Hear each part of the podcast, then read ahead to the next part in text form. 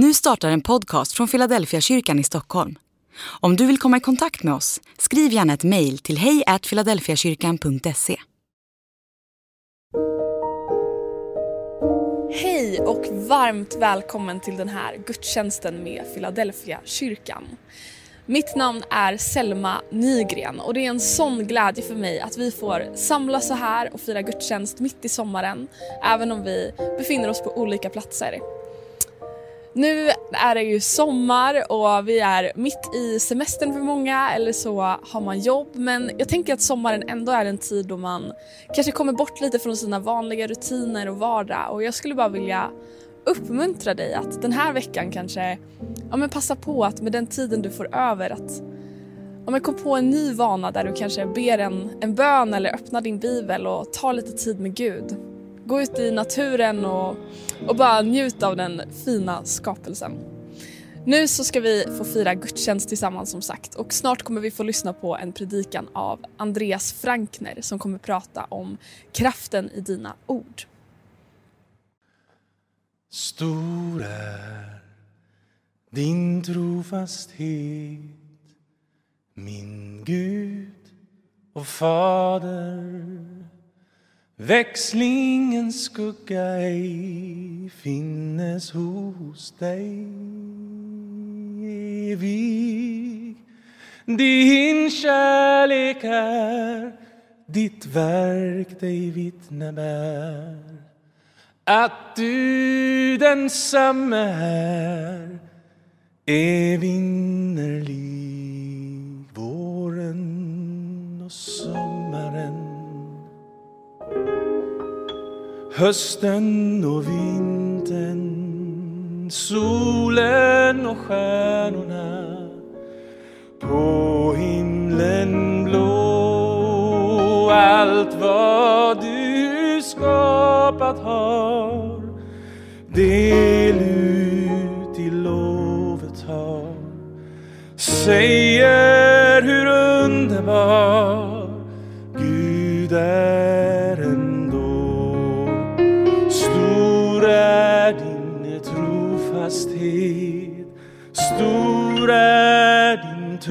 trofasthet ny är var morgon. Din nåd emot mig. Var dag du åt mig ger det som du nyttigt ser. Stor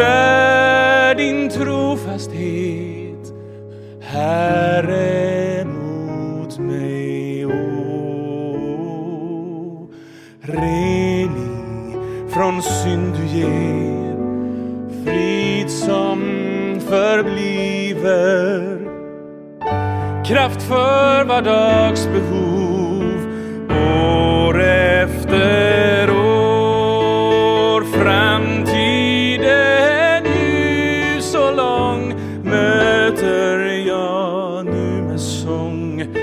Tills jag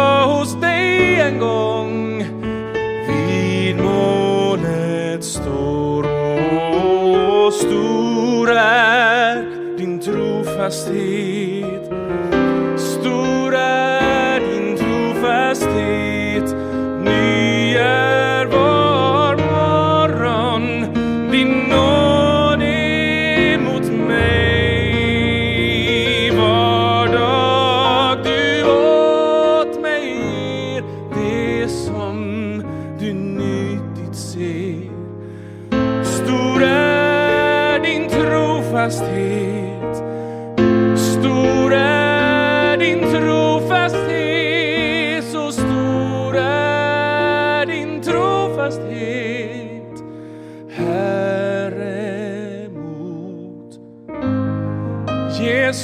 Kristus Du är min trygghet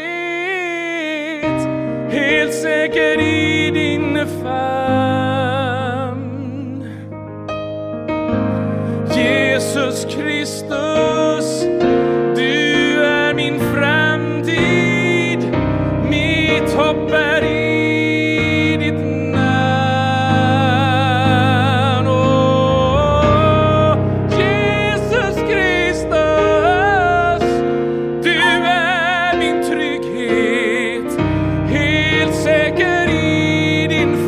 neon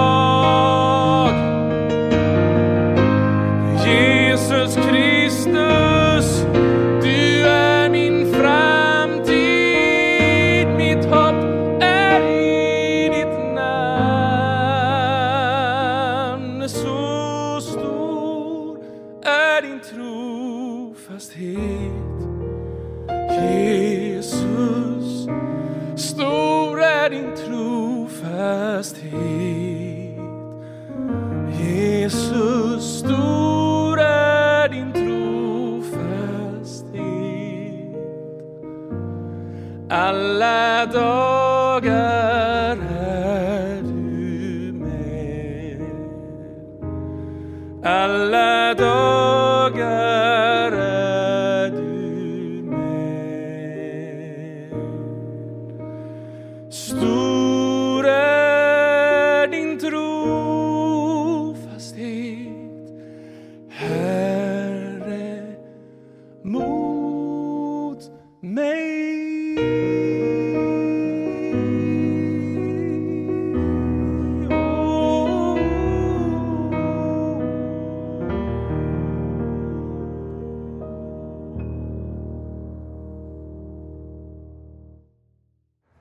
Jag ska tala om kraften i dina ord.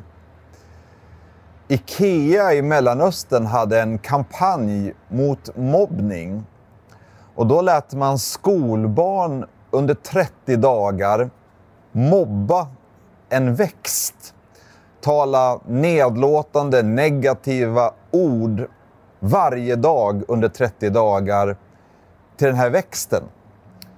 Man hade också en annan växt bredvid som var likadan och med samma förutsättningar i samma miljö med lika mycket vatten. Så fick man uppmuntran och uppmaningen att tala goda ord, positiva ord till denna växt. Resultatet var ganska fascinerande. Detta kan man läsa om på internet och följa resultatet den blomman, den växten som man mobbade under 30 dagar vissnade. Och den blomman man talade gott till, positivt, blomstrade och hade liv. Det finns kraft i våra ord. Jag tror att vi alla har varit med om vad negativa ord kan få för effekt i våra liv oväntade händelser där man inte riktigt har garden uppe och så drabbar det en med vad någon sa. Kanske, kanske du också varit med om den här positiva effekten av vad nyheter, goda nyheter, oväntade nyheter eller vänliga ord, vad det kan betyda för oss. Det var inte så länge sedan som vår dotter hörde av sig och sa att de väntar tvillingar. Det gjorde någonting med oss och man blir väldigt glad av sådana nyheter. Ord har kraft. Vi kan läsa ganska mycket om detta i Ordspråksboken och jag ska läsa ifrån det 18 kapitlet. Tungan har makt över liv och död och de som kan tygla den få njuta dess frukt. Det är ganska allvarligt, men något att tänka på då, att med vår tunga så kan vi använda den till det som skapar liv och det som ger liv runt omkring oss. Eller så kan det bli destruktivt och det som leder till död. På ett annat ställe i Ordspråksboken, i det femtonde kapitlet, så läser vi att mjuka ord stillar vrede, men hårda ord väcker harm. Det gör skillnad vad vi säger och hur vi säger.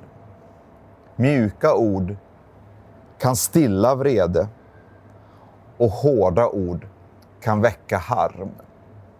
Lite senare i Ordspråksboken, det femtonde kapitlet, så står det också att läkande ord är ett livets träd, men svekfulla ord knäcker lusten att leva.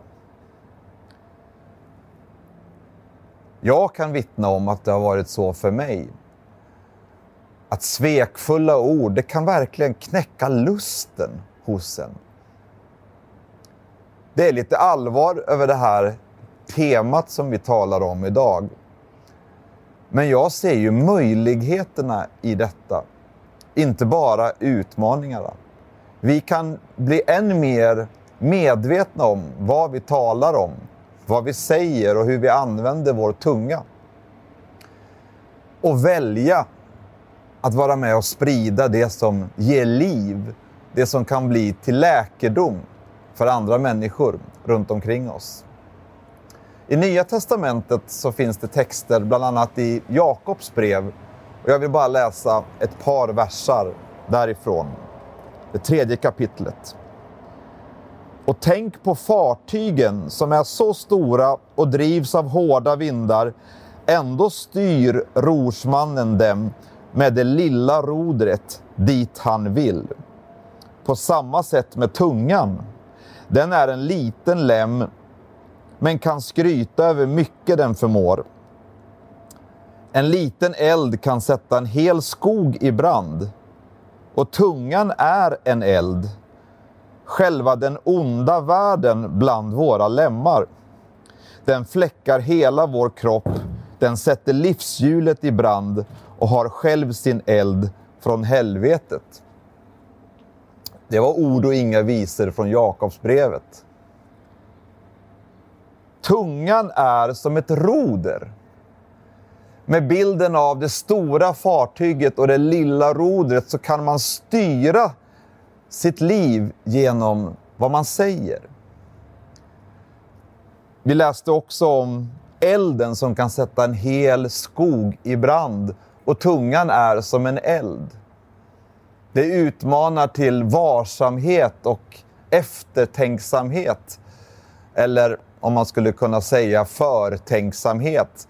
För det vore ju bättre om vi tänkte före istället för efter med det vi säger. I första Petrus brev så kan vi också läsa om detta med vad tungan och talet har för påverkan för vår omgivning och för våra relationer. I det tredje kapitlet så läser vi löna inte ont med ont eller skymf med skymf, utan tvärtom välsigna. Ni är själva kallade att få välsignelse.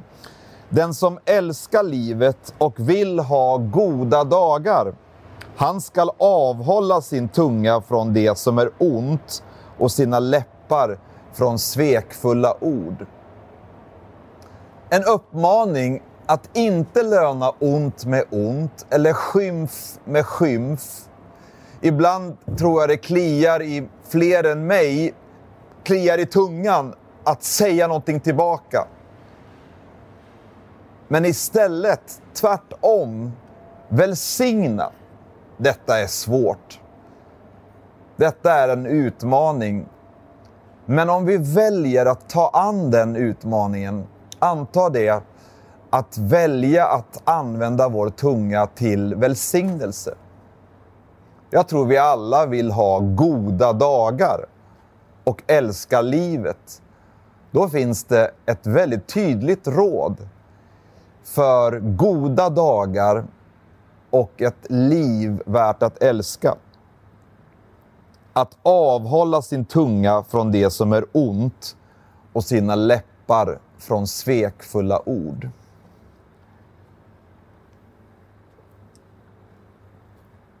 Så min utmaning, det jag vill skicka med, är att välja att välsigna. Och välja att uppmuntra. Bibeln talar om det i Hebreerbrevet, det tredje kapitlet, att vi ska uppmuntra varandra så länge vi kan kalla det idag. Det är ett val, även det, att hos varandra söka efter vad är värt att uppmuntra. Vad skulle jag kunna säga som blir till uppmuntran för någon? Kanske vi ska pröva ett experiment likt skolbarnen i Mellanöstern, att under 30 dagar uppmuntra någon varje dag och se vilken effekt det är. Jag har ibland behov av uppmuntran mer vissa dagar än andra dagar. Då brukar jag sätta mig ner och tänka, vem skulle jag kunna uppmuntra idag? Det blir som en medicin som funkar för mig. Att när jag själv behöver uppmuntran så väljer jag att uppmuntra någon annan. Och det kommer tillbaka. Och det blir till uppmuntran, både för den som ger och den som får. Bibeln talar också om att det hjärtat tror, det kan vi också bekänna med vår mun. Så detta med vår tro på Gud är inte bara en hjärtesak, utan det har någonting av kraft och liv också i sig att vi bekänner med vår mun det vi tror i vårt hjärta. Vi kan välja att vara till välsignelse. Vi kan välja att vara till uppmuntran och vi kan välja att låta vår tunga och våra ord få uttrycka det som vårt hjärta tror. Att Jesus är vår Herre. Och då får vi uppleva kraften i den räddning och den frälsning och det liv som Gud har gett oss genom sin son Jesus Kristus. Jag tror ingen av oss har det så självklart att vi har den disciplinen att vi alltid lyckas med det vi önskar i hur vi talar. Så i det så får vi be till Gud. Vi får vända oss till Gud om hjälp. En bön som jag brukar använda när det gäller min tunga och mitt tal när jag ber Gud om hjälp. Det hittar jag i Saltaren och i psalm 141 och vers 3. Och detta är min avslutning. Herre, sätt en vakt för min mun, en dörrvakt för mina läppar. Ibland kliar det. Man vill säga saker, men man vet det där kommer inte vara konstruktivt. Det där kommer inte bygga upp. Då brukar jag vända mig till Gud och be honom om hjälp. Gud, sätt en vakt vid mina läppar. Hjälp mig att tala det som är till välsignelse, det som får bli till uppmuntran och att jag får uttrycka vad mitt hjärta tror till dig, Gud. Tack Gud för att du hör mig när jag ber och att du hjälper mig med detta. Vad vi säger har stor betydelse. Det finns kraft i våra ord. Stort tack Andreas. Jag vet inte vad, vad du tänker på när du hör Andreas tala men jag känner i alla fall att jag vill vara med på det här experimentet att tala gott. Tänk vad, vad bra om man skulle bli bättre på det och lära sig att välsigna. Jag tänker att vi, vi ber tillsammans och, eh, och tar med oss det, den längtan efter att bli ännu bättre på att tala gott och välsigna varandra. Tack Jesus för den här dagen. Tack för de orden som Andreas talade idag. Gud, jag bara ber att du ska hjälpa oss, att du ska vakta våran tunga, Herre. Att vi ska få välsigna varandra och bygga upp varandra, Herre. Jag ber att vi ska bli bättre på att se när någon annan behöver uppmuntran och vara där och tala rätt ord, Herre. Hjälp oss att få mer tålamod när, när vi själva känner att någon talar illa mot oss och, och inte svara med samma sak utan, utan vara den som väljer att tala gott istället. Tack för att det finns kraft i våra ord. Precis som att det finns kraft i, i ditt ord, Gud. Gud, vi bara ber att, att vi ska få använda den kraften till rätt saker. I Jesu namn. Amen. Stort tack för att du har varit med på den här gudstjänsten med oss i Philadelphia kyrkan. Vilken glädje att få fira gudstjänst tillsammans. Innan du fortsätter med den här sommardagen så ber jag dig att ta emot Herrens välsignelse. Herren välsigne dig och bevare dig. Herren låter sitt ansikte lysa över dig och vare dig nådig. Herren vände sitt ansikte till dig och ger dig sin frid. I Faderns, Sonens och den helige Andens namn. Amen.